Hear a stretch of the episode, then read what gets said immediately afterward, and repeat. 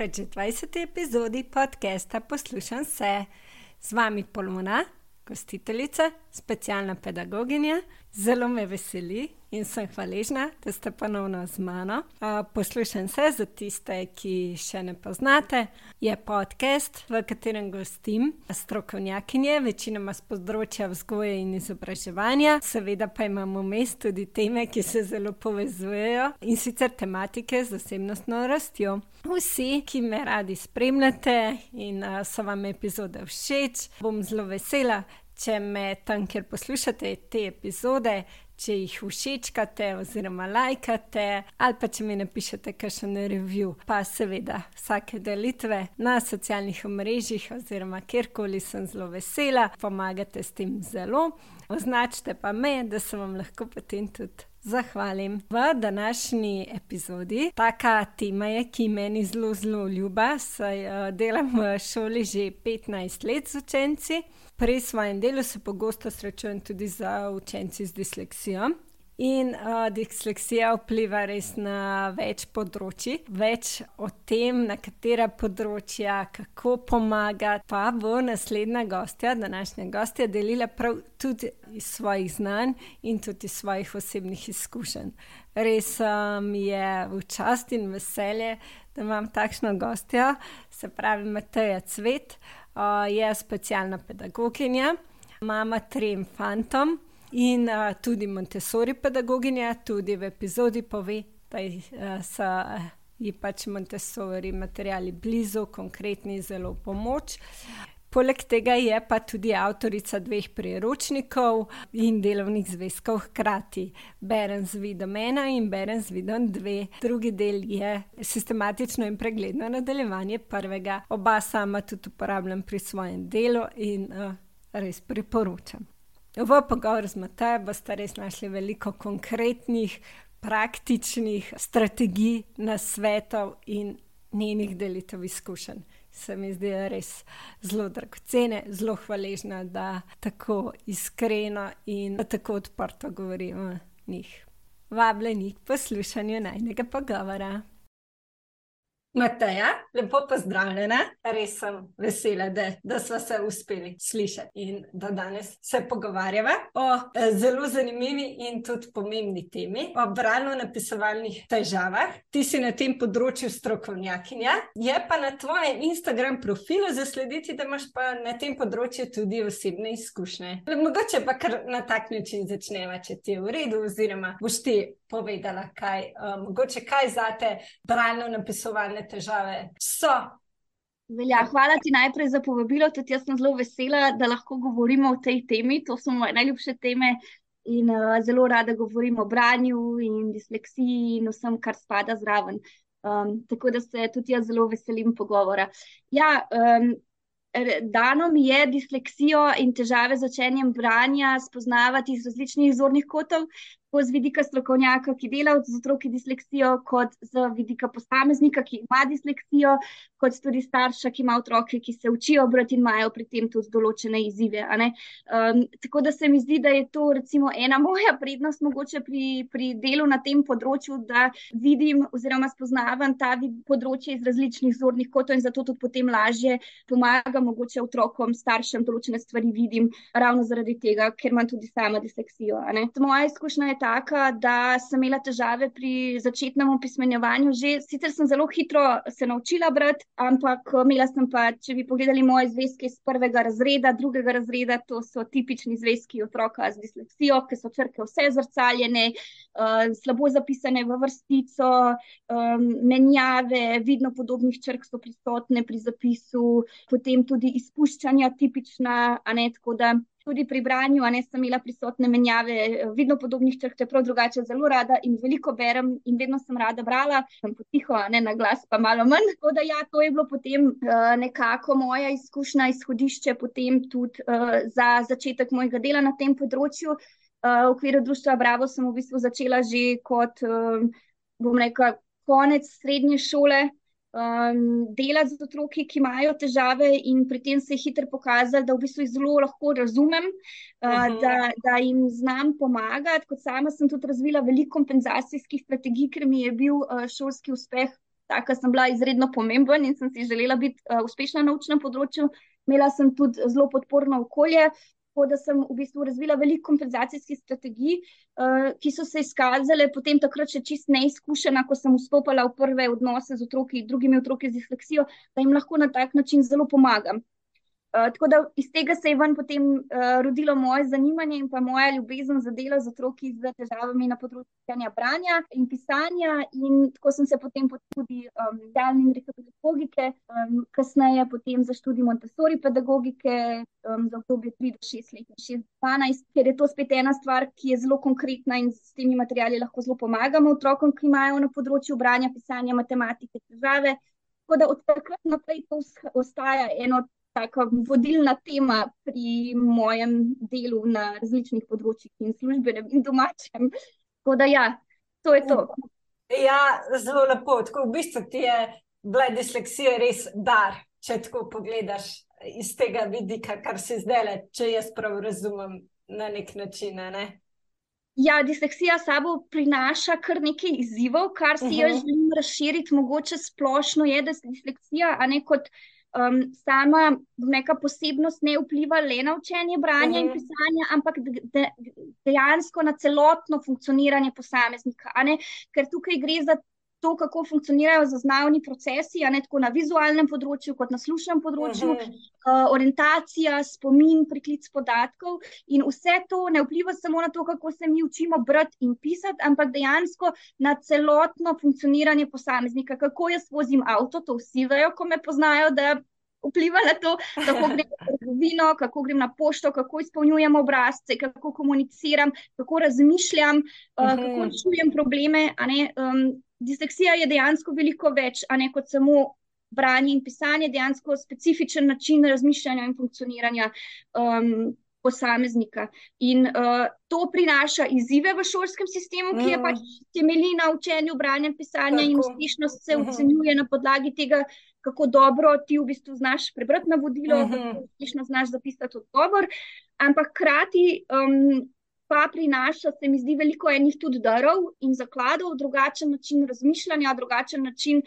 Zmožnost, drugačno zmožnost reševanja problemov, iskanja rešitev, drugačne predstave v svetu. In to se mi pa zdi, zdaj, ko gledam za nazaj, da je to velikrat moja prednost, ki pa sem jo znala se naučiti ceniti in videti. Uh, ravno zaradi tega, ker sem imela okrog sebe ljudi, ki so tudi znali to ceniti. Pa te podpreti. Ja. ja se mi zdi res izjemno bistveno, da si to poudarila, da res ne vpliva samo na branje in pisanje, ker mogoče pa se res tako bi lahko na hitro to sklepali, oziroma je v šolskem sistemu res to najbolj občutno opazno, ampak ja, na celotno funkcioniranje. Res pa je, da naš šolski sistem zelo temeni na branju in pisanju in je, in je res tukaj najbolj opazno. Ti si rekla, da, da si um, mogoče kako je samo podoba, ker doskrat opazim, ker je ravno branje in pisanje, kljub temu, da imajo učenci, ki imajo težave, recimo na področju izrazitejše, ne, težave na področju pisanja branja, res lahko tudi. Tako neke take nadpoprečne, res izjemno nadpoprečne sposobnosti, bi jaz rekla, ne, da imajo lahko vse, zaradi tega, ker so vsakodnevno izpostavljeni branju, pisanju, ker jim pa ne gre v skladu s temi, mogoče tudi njihovimi pričakovanji. In imajo posledično lahko nižjo samo podobo. Kako, bi, kako je bilo to pri tebi, kaj te je podprlo in kako ti svetuješ Mogoče je pri disleksiji najbolj specifično to, če že gledamo, kakšni so diagnostični kriteriji za disleksijo. Mm -hmm. Vidimo ravno to, da prihaja pri otroku do um, diskrepance velike med njegovimi močnimi in šibkimi področji. Torej, nekatera področja grejo močno pod povprečje, nekatera so pa lahko povprečna oziroma visoko nadpovprečna. Mm -hmm. In jaz mislim, da, je, da so težave za samo podobo, ki jih imajo otroci z disleksijo, tudi z vsemi ostalimi specifičnimi učnimi težavami, ravno iz tega izhajajo, ker kot otrok zelo težko razumeš, in tudi sama sem se s tem soočala, zakaj lahko v bistvu vidim, da stvari razumem lahko boljše kot kdo drug, uh mhm. -huh. pa mogoče enako dobro kot kdo drug. Mhm. Hkrati uh -huh. pa preprostega stavka nisem zmožna pravilno napisati, vsebinsko je lahko moj esej vrhunski, Mm. Notri so pa napake, primerne za šest let starega otroka. Ja, ja, ja, in je res to težko razumeti otroku. Ja. Mm. Jaz sem imela težave s tem, zakaj se mi to dogaja, zakaj, zakaj rabim jaz toliko več časa, da si ene stvari mm -hmm. zapomnim, zakaj si ne morem zapomniti letnic, ker so si um, jih tudi sošolci, ki so imeli mogoče učne težave, lahko letnice zapomnili, pa vsebinsko snovi niso mogli mm -hmm. razumeti, jaz sem pa snov razumela, si pa letnic nisem mogla zapomniti. Mm -hmm. Mi zdi, da to na vzkrižje, do katerega prihaja. Je otrokom najtežje razumeti, in potem mm. se ti čaka, to pa je nekaj narobe, in otroci potem razmišljajo. In jaz sem razmišljala, jaz moram biti pa neumna, ne? če, to, če si najbolj osnovnih stvari um, ne morem zapomniti. Ne? Se mi ja. zdi, da je to mogoče tisti del, ki najbolj vpliva na samo podobo. Kar je meni pomagalo pri tem, je, da sem vedno imela še druge stvari, ki so me definirale. Torej, da me ni definiral samo učni uspeh, šolski uspeh, ampak tudi recimo uspeh na um, likovnem področju, na plesnem področju, umetniškem področju, ker so bila pač to moja močna področja. In to je tudi na svet, ki ga dam običajno staršem, ki delam z njimi, ko imajo otroke z disleksijo starši se veliko zatečejo v stiski, v to, da otrokom odrekajo tiste krožke, ki imajo otroci slabe ocene. Ampak s tem v bistvu kaj dosežemo? Da vse, kar določa otrokovo vrednost, so samo njegove ocene. Ki so pa včasih nižje od tega, kar je otrok resnici. Tako. Mm. Da se mi zdi zelo pomembno, da otroci, ki imajo disleksijo, kakršne koli posebnosti, ali pa vsi otroci nasploh, uh mhm. -huh. imajo priložnost razvijati tudi svoje močna področja, čeprav mogoče ta področja v šolskem okolju niso tako zelo cenjena. Sčasoma, ko pa otrok odrašča, bi rekla, mogoče druga triada, konec druge triade, je pa zelo pomembno, da ga spodbujamo, da razvija to samo zavedanje in samo zagovorništvo. Um, v smislu, da um, v neki točki, jaz sem se naučila iz svoje izkušnje in vidim tudi pri otrocih, da v neki točki enostavno moraš sprejeti, katera so tvoja šipka, katera so tvoja močna področja, in da na določenem področju moraš vložiti morda več truda kot nekdo drug, zato da boš prišel do enakega rezultata. Dokler tega ne sprejmeš, se boriš. V bistvu v prazno, oziroma brez mogoče uspeha. In ta vidik se mi zdi zelo pomemben, in tudi, ko delam z otroki, jih poskušam pri tem osveščati, da se zaznajo, da ja, tukaj imam jaz težave, za branje rabim to, pa to, pa to, za pisanje testa rabim te, pa te prilagoditve, zato ker potem lahko dosežem to, kar si želim. Pomembno se mi zdi, da potem otroci in pa tudi mi odrasli, jaz še zdaj, znamo te stvari tudi potem ubesediti, zakaj rabimo pomoč. Ne? Vsak od nas ima močna in šibka področja, pač moje je uh, pisanje in jaz še vedno uh, prosim sodelavke, če imam kaj nujn, mislim, kaj zelo resnega za oddati. Uh, vsebinsko vedno ni, nikoli nimam težav, ampak vedno moram nekoga še prositi pri neki. Če gre za resne, tako odgovorne stvari, da pač preberejo za mano za osnovne tiskarske napake, ki se mi še vedno dogajajo.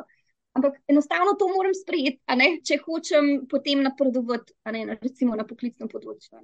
Um, da, in znati tudi povedati, zakaj jaz določeno pomoč rabim, je pa veliko področji, kjer pa jaz lahko drugim pomoč nudim. In to se mi zdi nekako ključno. Samo zagovorništvo, samo zavedanje in pa možnost razvijati svoja močna področja, poleg težav.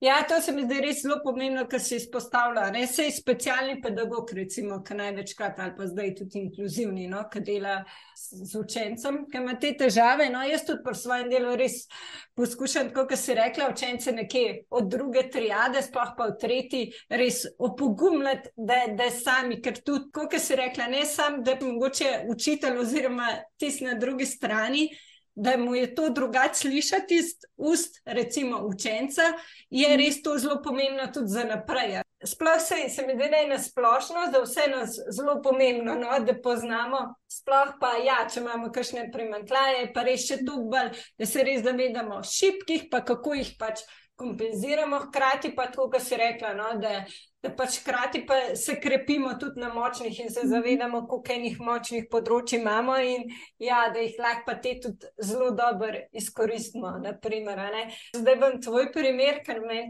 res mi je tako lepo, oziroma se mi zdi zelo pomemben, tako kot na vdihtu, da uh, si v bistvu napisala priročnik, učbenik, delovni zvezek ki je lahko pomoč takim učencem, ne pa imaš v bistvu ravno zaradi svojih, bi rekla, izzivov, ki si jih, jih imaš, si lahko na ta način tudi pomagaš učencem, ki imajo podobne izzive. To se mi hvala, zdi. Hvala, to je lepo.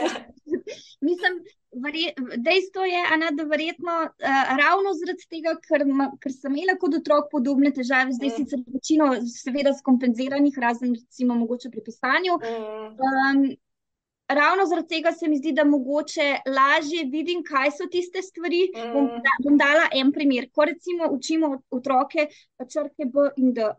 Um, mi vemo, ne, da otroci, ki imajo disleksijo, imajo poleg fonoloških primankljajev, pogosto tudi uh, primankljaje na vizualnem področju in za tudi z priklicem podatkom, spomnjenjem in priklicem podatkov. In um, recimo, ko delamo neke vaje, recimo zapomnjenje črke B in D, um, in je to asociacija, recimo za levo in desno roko si pomagamo, oblikujemo črke in na tak način si poskušamo zapomniti, kje je B in D. Um, recimo, jaz kot uh, osebi, ki nima disleksije, se zdi čisto logično, da daš roke in si boš zapomnil, to je leva, to, to pomeni. Ampak, če imaš ti disleksijo, potem eh, veš, jaz se spomnim, ja, ampak v redu, vidim, ampak jaz pozabim, kje je leva, pa desna roka. Ja. Torej, ta asociacija ne nujno deluje za otroka uh, z disleksijo. In um, ravno na osnovi v bistvu teh lastnih izkušenj sem ja. potem kupovala ta priročnik um, Berom z vidom. Um, Da so notri asociacije, ki imajo v bistvu zelo uprimenljive um, da si zelo na upremljiv način lahko pomagaš s tem, ki je pika, ki je velika začetnica za prepoznavanje, da ja ne rečemo z levo pa desno roko, ker ti tako pozabiš, kje je levo. V tem smislu, ne, se mi zdi, da mi je moja izkušnja lahko pri, v pomoč pri oblikovanju priročnika in vaj za otroke z disleksijo. No. Vidiš prtepa, kaj je delovalo, oziroma -hmm. kaj mogoče malo manj, par čem si imela izzive. Ja, res super. Mogoče, kar si rekla, te pri pisanju. Se zdaj, mogoče malo izven teme, ampak si se mogoče, ti si imela, če se prav spomnim iz tvojih pripovedov, da si se odločila dobila potem v srednji šoli, če se prav spomnim. Ja. A si imela že tako prilagoditve uh, tudi pri pisanju, ti pomaga recimo kakšen program, ki to samo korekcijo, ki je zdaj že več teh programov pri pisanju, ali kako bi v bistvu rekla to pisanje pa računalnik, no mogoče v tem pisanju računalnik otrok s težavami na področju Tako, pisanja. Ja, jaz, sem, jaz sem v bistvu, mislim, da smo začeli postopek konec osnovne šole in potem sem uradno dobila diagnozo oziroma pač odločbo v smeritvi v srednji šoli kjer sem imela potem predvsem prilagoditev. V tistem času je bilo še malo drugače, kot je zdaj. Um, manj se je vedlo o tem, um, tudi manj razumevanja je bilo še vedno med učitelji, sploh v srednji šoli. Imela sem sicer podaljšan čas, potem pa kasneje tudi možnost uporabe slovarja pri angliščini in take stvari, no, ampak v veliko manjšem obsegu, kakor se zdaj otrokom omogoča prilagoditve, oziroma kakor naj bi se jim teoretično mm -hmm. omogočalo. Se mi zdi, da smo tukaj vsaj v teoriji naredili korak naprej, v praksi pa je seveda še vedno veliko odvisno od dobre volje učiteljev, čeprav so stvari zakonsko obvezne. Ko govorim starši, vidim, da so še vedno zelo odvisne od tega, kako je učitelj, koliko učitelj v bistvu podpira otroka, ki ima disleksijo, mm -hmm. koliko verjame na nek način uh, v težave, ki jih ima otrok, koliko pa to pripisuje še vedno lenobi in površnosti, mm -hmm. za neke dve besedi, ki jih jaz zelo težko slišim. Ja. Ker sem jih tudi sama slišala večkrat, ne se si samo površna, ampak ne gre za to, ne, ne gre za površnost. Um, zdaj, uporaba računalnika uh, se mi zdi, da moramo biti pri tem zelo pozorni. Kdaj uvajamo računalnik, se mi zdi, da um, je pomembno, da ga ne uvedemo prehitro, predvsem zaradi tega, ker je, ker je pomembno, da tudi uh, spodbujamo razvoj otrokove roke. Um, in grafomotorike, in um, vizualnega dela pisanja, se mi zdi, da je to vseeno pomembno, ne, da, da ne uvajamo mm. računalnika prehitro, uh, kot eh, dolgoročno pa se mi zdi zelo uporaben pripomoček. Um, tudi sama uporabljam konstantno avtokorekcijo na računalniku in mi je v veliko pomoč. Um, tako da se mi zdi, da je zelo fajn um, za otroke, ki imajo disleksijo, potem recimo konec osnovne šole, v srednji šoli, mm, uh, pri pisanju spisov, recimo pri pisanju uh, sprotne snovi. Um, jaz karkoli, na kakršnih koli predavanjih grem, uporabljam računalnik, ne, ne pišem več. Ne, in zelo pomaga lahko to, predvsem z tega vidika, ker se mi zdi, da je pri otrocih disleksijo velikrat težava to, da jim je ta zapis lahko zelo stresen. Ta občutek, da boš nekaj zapisal mm -hmm. z mhm. naljunikom in tega več ne boš mogel pobrisati, je lahko en ena stvar, ki zelo doprinese k stresu. In ko so otroci z disleksijo pod stresom, običajno uh, imajo velike težave s preklicom podatkov. In to vse skupaj je pol en začaran krok. Ja, in tukaj se mi zdi, da lahko računalnik pomaga s to funkcijo, da lahko pobrišeš stvari. Um, in lepo urediš naknadno, in se mi zdi, da iz tega vidika je lahko zelo uporaben pri pomoči. Se mi pa zdi prav, da, da se vseeno spodbuja začetno opismenjevanje papir, s papirjem in svinčnikom, zato da tudi otrok razvija roko, ker je za razvoj možganov, razvoj roke zelo pomemben. Ne? Ker sem tudi sama, no, pač članek na podobno temo, ja, in so tudi strokovnjaki, enako kot si ti strokovnjakinja povedala, da ja, pisanje z roko na začetku druge sposobnosti tudi s tem krepimo. In je tudi izjemno pomembno, da to na računalnik ni prehiter, hkrati pa ja, v višjih razredih, sploh pa v srednji šoli, je pa res zelo tak pripomoček, da lahko olajša in da te samokorekcijske veščine oziroma so te programi, ki res olajšajo in manj stresa. Tako, kot si rekla, večinoma takrat učenci še več napak naredijo, hkrati ja, je prikliče počasnejši. Oziroma počasnejši, kot kar običajno. Je pomembno, da če uvajamo uporabo računalnika, uh -huh. zraven uvajamo sistem hitrega slepega tipkanja. Uh -huh. Da ne gre za to, da otrok ogromno časa lahko porabi za pisanje, če zapis na računalnik, ravno tako kot na papir, mora biti ustrezno uh -huh. avtomatiziran, da je potem efektiven. No? Tako da jaz zelo spodbujam da če gremo v uporabo računalnika, da zraven tudi uh, učimo otroke učinkovitega in hitrega tipkanja, da bo to dejansko potem mu pomagalo, da bo lahko dovolj hiter pri zapisku. Ker ne vseeno ne bo mogel slediti tempu, revem predavanja ali pa predovanja uh, učne snovi, če bo to tipkanje prepočasno, ne more mora znati dovolj dobro tipkati, da je potem to lahko dober pomoč. To je v bistvu res zelo ključna, pomembna informacija, ker drugače res iščejo, iščemo v takem primeru preveč dolgo ja, časa. Mm. Ker si prej za, uh, da vpliva pač na vsa področja. Pri klicu, recimo, doskrat se ne more, uh, se, se kakšen učenec ne mogo spomniti besede, ne vem, mogoče pokojnina, pa je točen vedel, mi je točen opisal, pa tako, no? in, bilo, in potem tako, kako. Uh, in pa sem mu svetovala, okay, ker pač zahtevala se pa točen ta beseda na testu. Okay, mhm. opiš tako, kot si meni opisal, pa z večjimi besedami, kjer je prilagoditve. Vem, da večkrat se največkrat se zataknemo glih tukaj. Pisanju, kaj, kaj upoštevati, sploh pri angliščini, pa tako. Mogoče, kakšne so tvoje izkušnje, kaj ti tukaj svetuješ, konkretno pri teh prilagoditvah. Vem, da je to in za nas, pač strokovnjake, pedagoge in za starše. Ja. Ja, jaz, jaz vidim iz prakse, pa tudi svoje izkušnje, da priklic podatkov je ena večjih težav, ki pogosto ostaja mogoče neprepoznana oziroma ne posvečamo dovolj pozornosti, dejansko pa močno vpliva na otrokovo učno uspešnost. Um, kaj jaz delam z otroki na tem področju, je to, da najprej jim pomagam ozavestiti, kaj sploh priklic podatka je, da razumejo, kako v bistvu. Kako deluje naš spomin, kako se v bistvu podatki iz kratkoročnega spomina prenesejo v dolgoročni spomin, in jim pomagam razumeti, kako naši možgani delujejo na različne načine, ne, kako osebe, ki so zelo analitične, ne, podatke shranjujejo zelo sistematično eh, v take pojmovne mreže v, svojem, v svojih možganjih. Ne? Jaz jim ponavadi to kar narišem, da si predstavljajo mm -hmm. kot eno omaro. In ne, ljudje, ki imajo zelo analitične možgane, oni v bistvu pospravijo vse, kot da bi rekel. Um, Kako imajo pri zdravniku, po mapicah, ja, ja. ja. po abecedi, vse je označeno sistematično. In potem, ko želijo se nekaj spomniti, enostavno grejo v dolgoročni spomin, seveda karikiram zdaj, a ne, ne funkcionira čisto tako, tako. ampak kot prispodoba. Mm. Grejo v dolgoročni spomin, odprejo predalček besede, vzamejo ven. Um, pri osebah, otrocih, odraslih, ki imamo disleksijo, pa v bistvu spomin ne funkcionira na tak način. Podatki se v bistvu ne shranjujejo tako sistematično, ampak mogoče bolj, uh, bolj kaotično. Veliko več se jih shrani na različne načine, niso povezani, mogoče na tak logičen način. In jaz otrokom nariš, narišem, da, da je v njihovih možganjih kot ena polna vreča, in vsi ti podatki, ki se jih, ki jih, jih poskušajo zapomniti, padejo v to vrečo, nekam noter. In potem, ko mi poskušamo priklicati podatke iz dolgoročnega spomina, je kot da bi šli z ribiško palco um, in iskali potem tisti podatek, ki ga rabimo, seveda ga je zelo težko najti in ven potegniti. Um, običajno pri tem pomaga jo neke asociacije. Torej, otrok mora najti način, na kakšen način pa njegovi možgani lahko podatek izvlečejo iz dolgoročnega spomina v delovni spomin.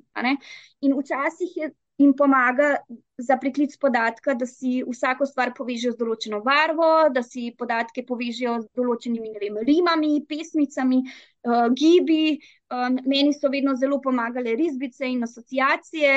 Um, v glavnem otrok mora najti eno svojo, mm. ob pomoči neko svojo tehniko in strategijo, ki, pomagal, ki mu bo pomagala ta podatek priklicati iz v bistvu dolgoročnega spomina. In to se mora naučiti in to mora sprejeti, da je pač del njegovega funkcioniranja. Uh, tako da to se mi zdi zelo pomembna stvar. Um, da, da jih naučimo strategije, ki njim omogočajo priklic podatka iz um, dolgoročnega spomina, hkrati pa da razvijamo mogoče tudi to um, sistematičnost, um, da jim pomagamo oblikovati mogoče te pojmovne mreže v, v povezavi s podatki, povezati znanje. Uh, pomagati te povezave najti, zato da jim pomagamo, mogoče svoj spomin malo bolj organizirati, ne, da je potem tudi priklic podatka lažji. Je pa pomembno zavedati se hkrati tudi, ne, da tako kot sem že prej rekla, na, poklic, na priklic podatka ima izjemen vpliv stres. Mhm. Torej, bolj kot je otrok pod stresom, um, slabši je priklic podatkov. Ne, bolj ko smo sproščeni, lažje besede, pojme, dejstva, postopke. Uh, prikličemo iz spomina. In um, otrok mora v bistvu se naučiti tudi umiriti, um, pred testom se naučiti, da vaj za umirjanje, zato da ne bo toliko pod stresom, ker bo potem tudi preklic podatkov boljši. In to se mi zdi ena od primernih prilagoditev, a ne torej neke vaje umirjanja. Uh, pred pisanjem, preverjanja znanja v razredu, ki to je dobro in tako za vse otroke, potem pa ta pomoč z asociacijami, um, tudi mogoče uporaba svinčnika, uh, na mesto nalivnika, a ne tudi to običajno otrokom pomaga, da lažje prikličejo podatek, če imajo občutek, da to, kar so zapisali, lahko popravijo. Uh mhm. -huh. ta, že ta obremenitev, ne bom se spomnil, uh mhm. -huh. je ponavadi dovolj velik stres, ja. da se mhm. otrok podatka ne more spomniti. No. Um, kaj pa vidim, tako ko delam z otroki, da je velika, pogosto velika težava to, ravno kot si opisala, um, da se otroci ne znajo pravilno učiti torej, da ne znajo si pomagati, da se podatek dejansko iz kratkoročnega spomina prenese v dolgoročni spomin. Tudi to je pogosto težava. Ne se učijo na tak način, da podatki ostajajo v kratkoročnem spominu. Um, tako da um, to, to je veliko krat problem in to potem lahko vidimo, potem, da otrok ve točno, vem, kje je bilo napisano, s kakšno barvo je bilo napisano, mm. ampak ne morem se spomniti. Um, Največkrat zaradi tega, ker otroci gledajo v učbenik, gledajo v kartončke, gledajo v zvezek, medtem ko ponavljajo učno osnov, kar pomeni, da se potem uh, asociacija za priklic podatka fiksira na vizualno sliko tega učbenika oziroma lista. In potem, ko mhm. tega lista ni pred sabo, asociacije ni in podatka ne moreš priklicati. Da, no, razlogov je še več, samo to je eno od enih izmed mhm. njih. Um, želela sem podariti predvsem to, da je pomembno tudi, da jih učimo tehnik učenja. Se mi zdi, da je na tem še vedno premalo podarka um, v osnovni šoli. Ogromno je enega pomnenja podatkov, od njih zahtevamo, noben pa jim ne pove točno, na kak način se učijo. Jaz mislim, da bi lahko bil predmet o učenju uh, v osnovnih šolah in o načinih učenja, o načinih uh, razmišljanja, reševanja težav. Izvrši, o izvršilnih funkcijah, ki ima tudi veliko otrok uh, težave s tem, ne, pa, pa bi bilo verjetno težav malo manj. No. Ja, to se strinjam, sploh tudi glede učenja. učenja. Mi smo zdaj tudi na šoli, no, ker izvajamo dodatno strokovno pomoč. Smo, z, smo izvajalke dodatne strokovne pomoči za neki ur pač delavnice. Ni, ni predmet, ampak saj neki pa je, no? ker smo tudi mi res opažamo, da je na tem področju res pač uh, veliko, bi rekla, mislim, potrebe. Pač ja, res, uh, res tega manjka no, otrokom. Kot si rekla, podatkov je veliko, kako pa pač to. Res potrebujemo najti naš, pač imeti predstavljen več strategij možnih, potem pa izbrati eno tako, ki je nam najbolj pač pisana, uporabna, mogoče za kakšen predmet To je ena strategija, lahko za drug, druga, oziroma tako. Ja, si, hvala, no, da si to izpostavlja. Ja. Um, mogoče za branje, ne? da zdaj, mal, zdaj smo malo več pisanju posvetili, uh, kar mi je uh, tudi uh, super, pa mogoče vse nekaj o branju. Mogoče kako, um, kad disleksijo naj bi se pač diagnosticirali, ko je učenec že v osnovni šoli, ne? ko pač se že uh, rekla, da je ta, taka definicija, ne? da je na področju branja in pisanja. Kako pa mogoče v predšolskem obdobju lahko zaznamo, sama si že prej na svojem primeru povedala, da si v bistvu že dosti hiter, ampak da so se pa že, če prav razumemo, pazle, mogoče, ka zdaj za nazaj gledaš določene izzivi. No? Tako, mogoče to za prečolsko, oziroma kako pol na branju, tako v tem smislu. Ja. Praksa je taka, da je uradno po večinoma otrok, otroci so diagnosticirali po tretjem razredu, oziroma konec tretjega razreda in dalje.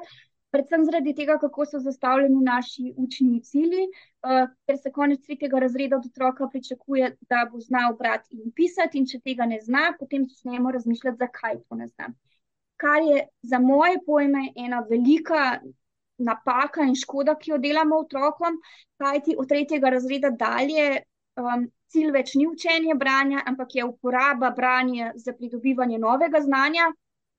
In takrat je prepozno reševati težave z učenjem branja. Jaz zelo si želim, da bi se to premaknilo na bolj zgodaj, um, ravno zaradi tega, ker je pomembno, da prepoznamo težave idealno, preden se otrok začne učiti brati, oziroma v zgodnih fazah učenja branja. Um, branje je v resnici precej bolj kompleksen proces, kot si večina nas odraslih mogoče predstavlja. Si mislimo, poznaš črke in boš bral. Ampak v resnici branje zahteva kar nekaj usvojenih predbralnih spretnosti, ki so vezane tako na fonološko, na slušno področje, kot na vizualno področje. In uh, otrok, da lahko bere, mora najprej veliko pred tem zaznati, da so besede v resnici sestavljene iz manjših enot, iz zlogov, iz glasov uh, in se mora naučiti jih dobro prepoznati. In z njimi manipulirati, da bo v resnici potem lahko šele bral. Potem v naslednji fazi mora usvojiti povezavo med tem, da vsaka črka ima svoj glas, oziroma vsak glas ima svojo črko. In potem v začetnih fazah branja otrok, ko bere, v bistvu um, izgovarja zaporedje glasov in mora te glasove združiti znati skupaj, a ne torej narediti sintezo in to primerjati z besedami, ki jih ima v svojem slušnem spominu. Uh, in na tak način v bistvu bere. Da da razume to, kar je sam sebe slišal na glas prebrati. Šele kasneje v bistvu začne potem zaznavati, da so pisne besede v bistvu iz manjših enot vizualnih sestavljene, uh, iz zlogov in brati po zlogih ali pa vleč in um, učinkovit bralec postane pa, ko branje ni več v bistvu ne temelji na slušnem kanalu, ampak na vizualnem kanalu in besede začne prepoznavati kot slike. Najprej pogoste besede, kot so naprimer in, um, in ostale veznike in mačka, kuža, te besede, ki se pač mm. pogosto pojavljajo, kasneje pa tudi daljše besede. In takrat je v bistvu branje tekoče, ko preide na to vizualno branje. In, naprimer, da mi lahko tako beremo, poleg tega, da moramo slišati vse glasove, ki se stavljajo besede, da, mar, da moramo znati združiti glasove, ki se stavljajo besede, moramo znati tudi prepoznati majhne razlike med obliko posamezne črke, moramo znati. Um, Biti sposobni si zapomniti obliko besed, ne, zato da bomo lahko tako čebrati. Ampak tudi še ena pomembna stvar je, da morajo biti naše oči sposobne enakomerno slediti prstici od leve proti desni, od zgoraj in navzdol. To so pa vse veščine, ki so pravzaprav se razvijajo že v predšolskem obdobju in eh, primankljaje na teh področjih, oziroma neke potencijale, oziroma neke zaostanke, sum, da, bo, da se bo nekaj mhm. pokazalo, vse to lahko opazimo že v predšolskem obdobju. A ne pri otrocih, recimo, lahko opazujemo, kako otrok sestavlja sestavljenko.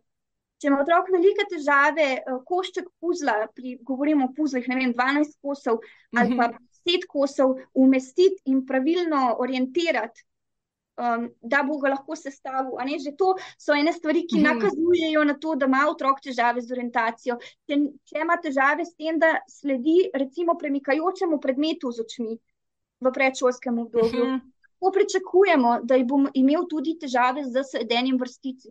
Če ima težave s tem, da recimo določenih glasov ne izgovarja, da je razvoj govora upočasnjen, lahko pričakujemo, ne nujno, ampak pogosto imajo ti otroci potem težave tudi s fonološkim zavedanjem, oziroma je razvoj fonološkega zavedanja upočasnjen in posledično tudi razvoj branja in pisanja. In vse te stvari pravzaprav lahko opazimo, zaznamo že v predšolskem obdobju. In moja izkušnja je, da če to opazimo pravočasno, lahko veliko bolj učinkovito pomagamo preden se otrok začne učiti brati in pisati. To poskušam deliti tudi na, na Instagramu, na strani male šole, uh, predbralne, ja, ja. Pred, predbralnih in predpisalnih spretnosti, predvsem zato. Se mi zdi, da na tak način v bistvu lahko otrokom pomagamo. Ko so pa otroci starejši, ko imamo pred sabo otroka, ki ima težave z branjem, je pa velika verjetnost, da pri njem nekateri od teh zgodnih procesov na področju fonološkega zavedanja in vidnega zaznavanja niso bili usvojeni. Če gremo potem mi v naš specialno pedagoško diagnostiko, eh, pri večini teh otrok opazimo, da bodi šli slušna analiza, sinteza nista mm. ustrezna, da, da njegove učke ne sledijo enakomerno od leve proti desni, da ima težave z vizualno orientacijo. Ampak to so vse stvari, ki so se kazale že v predšolskem obdobju ali pa takoj na začetku, ko je otrok prišel v prvi razred se vse to že dale povedati, marsikatere težave bi lahko na tak način preprečili. Tako da tukaj ni potrebno, da gre dejansko za diagnostiko disleksije, ampak samo pomembno bi pa bilo, da bi generalno preverili, kakšne so otrokove predbralne in predpisalne spretnosti, preden gre v šolo, ker so predbralne in predpisalne. In bi bilo logično, da jih preverimo, preden se bo učil, začel učiti brati in pisati. Ne? Ja, veliko lažje je, tudi za otroka, prvič, ne, tudi, če že gledamo samo, samo podobo. Ali pa tudi tako, no? veliko lažje, tudi ker ni ne učne snovi, ne, tega je veliko lažje nadomestiti, oziroma pač te primankljaje delati na njih, jih, jih nagrajevati in tako nad, uh, ja, uh, nadgrajevati. Ja, oprosti, veš kaj, Sindri na rojstni dan sem si naročila na mimo vrste darilo, ki ga moramo treh pol dostaviti. Ja. Aha, ja, ni panike, sej bom pač izrezala ta. Ja, ja. ja, ja, ne, ne, ne, ne. ne. Uh, ja, se mislim, da sem mi tak, ja, pa se da te primankljaje uh, lažje v bistvu uh, pač lažje urmo otroka, pa mogoče tudi več, več je tudi par urah dodatne strokovne pomoči. Časa, ker nismo tako obremenjeni z drugimi učnimi snovmi, se mi zdi, da je veliko lažje in za otroke, in tudi za izvajalce. Um, ko pa res se da, ja, ja kar.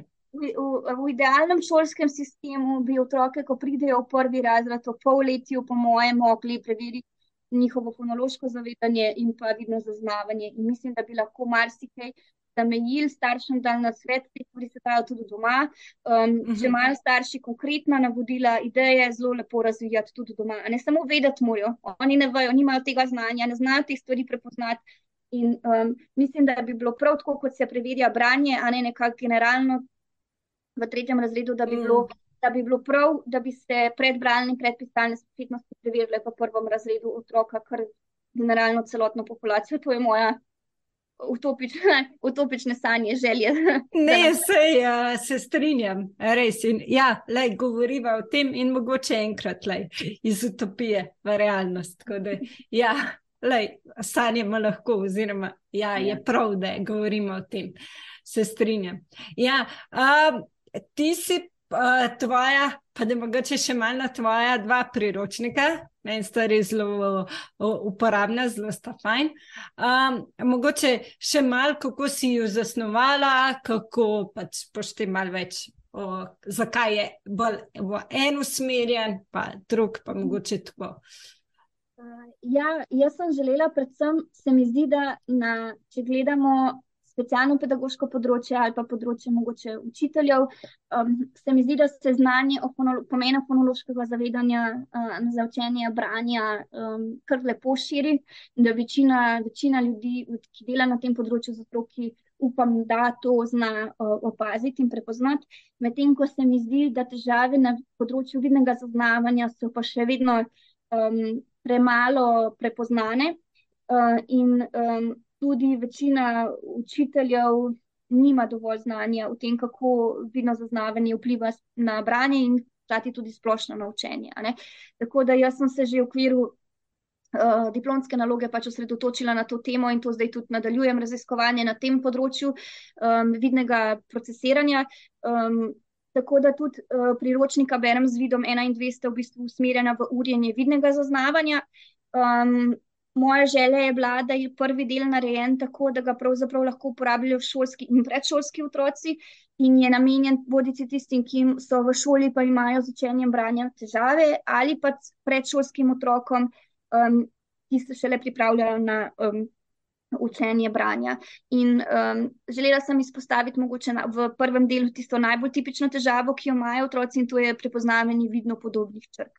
Uh, in sicer B in D sta najbolj tipična uh, taka znaka, ki jo odrasli prepoznamo pri otrocih, um, ko imajo težave z branjem. Tako da prvi del je predvsem usmerjen v to razvoj osnov vidnega zaznavanja, uh, vidnega sledenja, vidne diskriminacije, vidne orientacije, vidnega dekodiranja in potem branja. Um, Medtem ko drugi del se pa mogoče osredotoča bolj v prehod iz tega začetnega branja v tekoče branje uh, in je usmerjen, v, raz, in je usmerjen v, bistvu v razvoj teh vizualnih strategij za um, tekoče branje. Um, ker pri otrocih, ki imajo disleksijo, pogosto zelo dolgo ostanijo na črkovanju ali pa recimo besed ne preberijo do konca, a ne torej niso razvili mm. nekih učinkovitih strategij um, branja, in uh, v drugem delu so vaje usmerjene v to, da jim pomagamo razumeti, da v bistvu so um, najprej prepoznavanje kratkih besed uh, kot vizualnih celot, potem v to, da so dolge besede tudi sestavljene iz manjših vizualnih celot in da si na tak način lahko pomagamo pri branju dolgih besed. To je strategija, ki jo otroci, ki nimajo težav, pogosto čisto spontano usvojijo, pri otrocih z um, specifičnimi učnimi težavami, s sekcijo je pa to lahko težava. Um, proti koncu pa se priročnik potem usmerja v branje besed do konca in branje podobnih besed.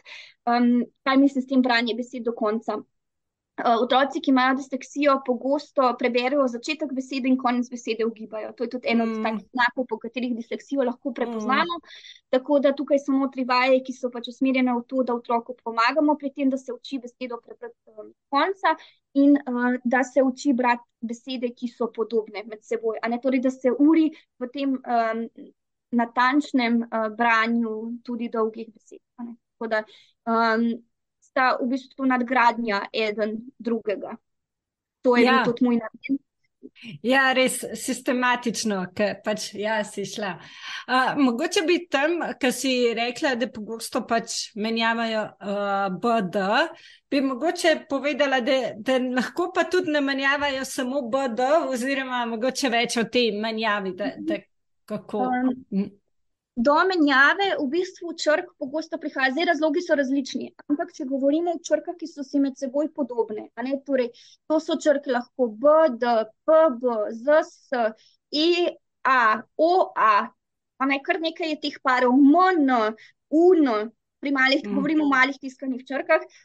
Tukaj gre v bistvu za črke, ki se med seboj razlikujejo v zelo majhnih podrobnostih. Večina teh primerov, ki sem jih naštela, gre zgolj za orientiranost simbola torej, kako je simbol orientiran, definira, katero črko predstavlja. V bistvu gre pa, če govorimo o primeru BDP, za identičen simbol, samo orientacija simbola je drugačna. In v bistvu težave s prepoznavanjem teh simbolov izhajajo ravno iz tega, da otrok ima na splošno težave z prepoznavanjem oziroma z orientacijo, vizualno orientacijo, prepoznavanostjo orientiranosti simbola. Potem pa imamo druge črke, kot so recimo M in N, ki se pa razlikujeta v bistvu v drobnih podrobnostih, ali pa O pa A, ki je drobna podrobnost plus recimo razlika v orientiranosti, odvisno v kateri pisavi je A zapisana. Mm. Um, tako da v, v zadju težav s prepoznavanjem teh črk so pogosto vizualni primankljaji. Um, in ker dejansko nima otrok nobene opore. Če mi izolirano gledamo črki, recimo uh, B in D, ali pa recimo U in N, mali tiskani, potem v bistvu edini način, po katerem lahko prepoznamo, ali gre za U ali N, ali B ali D, je na podlagi pač njegove orientiranosti. In če imaš ti z orientacijo uh, težave, mm. seveda boš. ni, ne boš mogel tega prepoznati, ne rabiš drug način, ki ti bo pomagal črko prepoznati. Um, poleg, poleg menjav vidno podobnih črk, pa so še druge težave, ki so najbolj tipične. Ni nujno, da, da je ta del prisoten, da ima otrok disleksijo, uh -huh. lahko ima orientacijo v redu, pa ima mogoče težave um, vem, s fonološkim delom ali pa mogoče z. Um, težave z dekodiranjem, ne, torej, da težko zazna drobne enote znotraj besede, uh mhm. -huh. ali pa ne more združiti črk v celoto. Um, tako da B in D ni tista, mogoče je najbolj taka tipična stvar, ki vsi prepoznajo, da otroci disleksijo menjajo B in D. Ampak uh, ni to edina stvar, ali pa celo ni nujno, da je tudi prisotno pri otroku. Ja, najlepša hvala no, za to dodatno razlago. Se mi zdi, da ja, tukaj sem želela to, kar se je tako lepo pojasnila. Ja, uh, ja tako za, za vizualno podobne črke. Hkrati so pa še tudi te slušno podobne in tudi lahko. Tako, na tem. Tudi fonološki vidik je seveda mm -hmm. zelo pomemben pri branju. In um, večina otrok uh, z disleksijo, zdaj tako, če gledamo, kaj so pokazale raziskave, mm -hmm. je začelo v bistvu razvoj prepoznavanja disleksije. So najprej raziskovali vizualno področje, potem pa z razvojem teorije jezika uh, je prišlo v spredje pač fonološko področje, ki zdaj nekako uh, ostaja v ospredju, a ne ta fonološki vidik mhm. disleksije. Mm -hmm. Čeprav v zadnjih letih se pa ponovno razvijajo tudi vizualne teorije disleksije in nekako jaz verjamem in vidim v praksi, da gre običajno za kombinacijo obojega. Uh -huh. Če ima otrok težave, predvsem v začetnih fazah opismenjevanja, je pogosto, so pogosto prisotne izrazite težave s fonološkim zavedanjem. Uh -huh. Če pa se mogoče um, težave kasneje šele pojavijo, ko se od otroka pričakuje prehod na tekoče branje, so pa pogosto pri njem v spredju vizualni primankljaji. Pri otrocih, ki imajo pa najbolj izrazite težave in težave tudi nje, najdlje časa ustrajajo, um, so pa največkrat prisotna oba tipa težav. Tako da je dost kompleks, disleksija je dost kompleksna in vpliva res na um, ne samo na branje, ampak dejansko na celotno funkcioniranje. Ja, ja. ja, hkrati bi pa tukaj rekla, no, res tako, uh, ker si že ti prej imela tvoj profil, mala šola, no, pa blog imaš. Ja, je res tako, sploh um, že v predšolskem ali pa v teh nižji, bi rekla, sploh prvi, tudi drugi triadi, res lahko preko velik stvari, lahko preko igre, a ne na igriv način in ja, velik dejavnosti, uh, pač idej lahko najdejo tudi pri tebi. Tako da ja, to se mi zdi uh, pač tako zelo pomembno, no? da preko igre, ki jim je že tako mogoče pa uh, že to potrebuje, hitreje se utrudijo, saj moje izkušnje mm -hmm. pač pri delu so tako in res potrebujemo biti na to še uh, bolj pozorni. No, da jih ne, uh, ne tako, kot si rekla, po eni strani je zelo pomembno, da, jih, da pač te delovne navade, oziroma pač v šoli učne, tako kot si sama rekla, si imela to zelo dobro razvit. To je zelo pomembno, po drugi strani pa tudi ja, ta preutrujenost, oziroma um, boš ti mogoče še malo več o tem, kako to. Um, tako je, ja, kot si rekla, večina otrok z disleksijo v bistvu ne mara brati in se ne mara učiti brati in jim je učenje branja naporno. Um, krati, predvsem pa zaradi tega, ker je ne, pogosto neučinkovito. Ne, to so otroci, ki doma um, sami starši uh, ogromno enega truda vlagajo v učenje branja, rezultatov pa kar ni in ni. In seveda, kako če biti otrok motiviran, če se na branje nikamor ne premakne. Zato je zelo pomembno, da ko delamo z otroki, da, da so vaje res sistematične, da niso predolge. Um, zaradi tega, ker s trajanjem branja se število napak povečuje mm. in v bistvu te specifike, ki jih ima otrok, še utrjujejo. Um, zato je bolj pomembno, da bere otrok pogosto, pa rajši manj, pa je pri tem motiviran in zadovoljen. Um, Zelo pomembno je pa, da naslovimo tudi vse te stvari, o katerih sem prej govorila. Torej same, samo, samo branje, v smislu nekega guljanja branja, pri otrocih z disleksijo ne bo naredilo napredka, ne bo mm. učinkovito. Ne? Pomembno je, da v bistvu naslovimo primankljaje, ki so v zadje težav um, z učenjem branja. Da, um, to pa vse lahko delamo skozi igro. In je tudi običajno bolj motivirajoče za otroke, lažje delajo. In, um, Pomembno je, da se ob tem čutijo uspešni. Mi moramo svoj, svoje vaje, ki jih damo otroku, prilagoditi tako, da bo on imel ravno pravšnji izziv, um, da mu bo malo težko, ampak ne tako težko, da ne bi mogel izziva premagati. Torej, mora imeti vse čas ta občutek, um, da mu gre, da napreduje um, drugače v bistvu ne bo no, motiviran in se pri učenju ne bo počutil dobro. Vsi pa vemo, ne, da se v bistvu učimo samo takrat, ko se počutimo dobro, varno in ko imamo občutek, da smo uspešni. Tudi mi najrajši delamo samo stvari, v katerih smo dobri. Tiste, kar nam ne gre, bi se pa tudi odrasli najrajši kar izognili in enako je pri otrocih. In to moramo upoštevati tako doma, kot v šoli, ko vadimo um, branje z otroki, da moramo pač prilagoditi svoj način dela temu, da se bo otrok dobro počutil, da se bo počutil uspešnega, da bomo v bistvu se usmerili tudi v te stvari, ki so v zadnji branja in krati, da um, bojo vaje učinkovite in ne bojo predolge. Ja, ja, pa mogoče isto, ne pri pisanju. Da je tudi mogoče ja, ja. običajni treningi pisanja, ali pa tako, kot si prej rekla, ne, ki so mogoče pač stare šole so, so pač res se včasih slišali, ok, ni do svado ali pa je samo površena. Ne? In pa pač desetkrat prepisal in je šel desete. Pač Zaradi tega, ja, ne, ne manj. Ja. Uh, tako da, ja, no, bi res dobri na sveti, hvala za to. Uh, mislim, da smo uh, večino zajeli, bi mogoče še kaj, kar se ti zdi zelo pomembno, pa da, da nismo dovolj poudarjali, oziroma si želiš še kaj poudariti, izpostaviti, tako, kar se ti zdi za disleksijo, oziroma za starše, uh, ali pa tako druge poslušalce, ki jih to zanima, pomembno. Um. Mogoče še ena stvar je taka, jaz si zelo želim, um, da bi starši imeli dostop do informacij o tem, kako poteka proces učenja branja um, in pa seveda tudi pisanja, ker se mi zdi, da bi potem dosti lažje razumeli, kje je težava, kje se otroku uh, zatakne. Jaz mislim, da je zelo pomembno, da upolnomočimo starše, da bodo znali svoje otroke ustrezno doma podpreti. Ker oni so v bistvu tisti, ki jim doma nudijo največ pomoči pri učenju, po večini, ne, um, če je otrok prihaja iz spodbudnega okolja, ne drugače, seveda to uh, šola, šolska svetovalna služba, ampak pri otrokih ki prihajajo iz podbudnega okolja, se mi zdi pa zelo pomembno, ne, da poskušamo vse starše um, mhm. maksimalno podpreti, um, da bodo imeli čim več znanja o tem, kako te procesi potekajo. Um, jaz vem, ko delam starši, da nimajo pogleda za te stvari, ki so mogoče za nas specialne pedagoge samo omejene.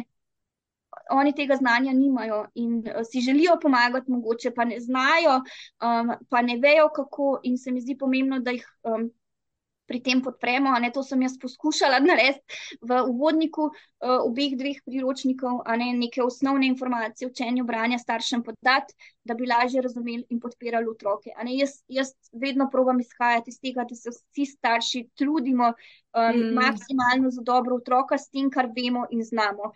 Uh, in tudi, kadar imam občutek, recimo, da mogoče starši ne zmorejo pomagati, tako kot bi bilo treba, je moj prvi instinkt jih naučiti pokazati, podati znanje, da bojo, da bojo znali ne, otroka podpreti. Tako pri učenju branja in pisanja, kot na področju recimo motivacije, kot na področju samopodobe.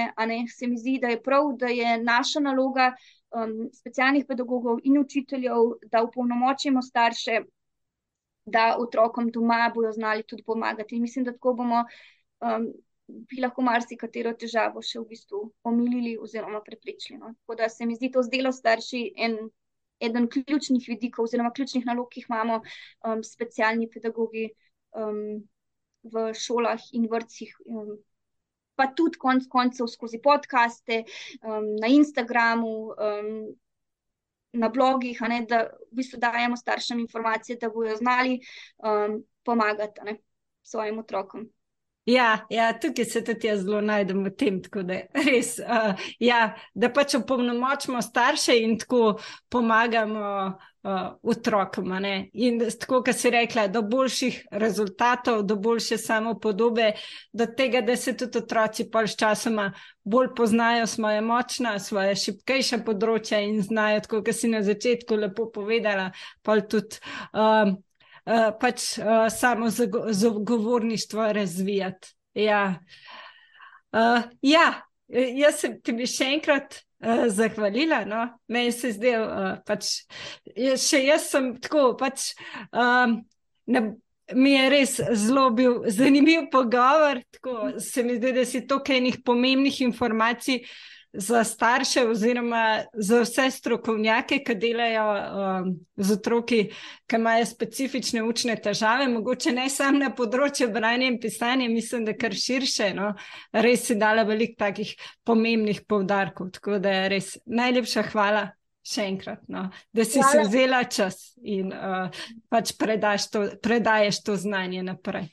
Hvala tebi za vabilo, mi je v največje veselje. Tako da, um, kot sem rekla, že na začetku, jaz o tej temi zelo rada govorim in se mi zdi pomembno o njej govoriti in si želim um, širiti znanje, zavedanje o disleksiji, učenju branja med vseh. Ki, med vse, ki jih to zanima, med vse, ki delajo z otroki, ki se učijo brati, um, med starše. Tako da sem vesela vsake prilike, da spregovorim o tej temi. Tako da hvala tebi v bistvu za vabilo. Ja, z veseljem, z veseljem. Lepo bodi. Hvala vsem za poslušanje. Nasvidenje. Ja. Hvala za vašo poslušanje in pozornost. Se slišimo spet naslednji mesec. Lep pozdrav!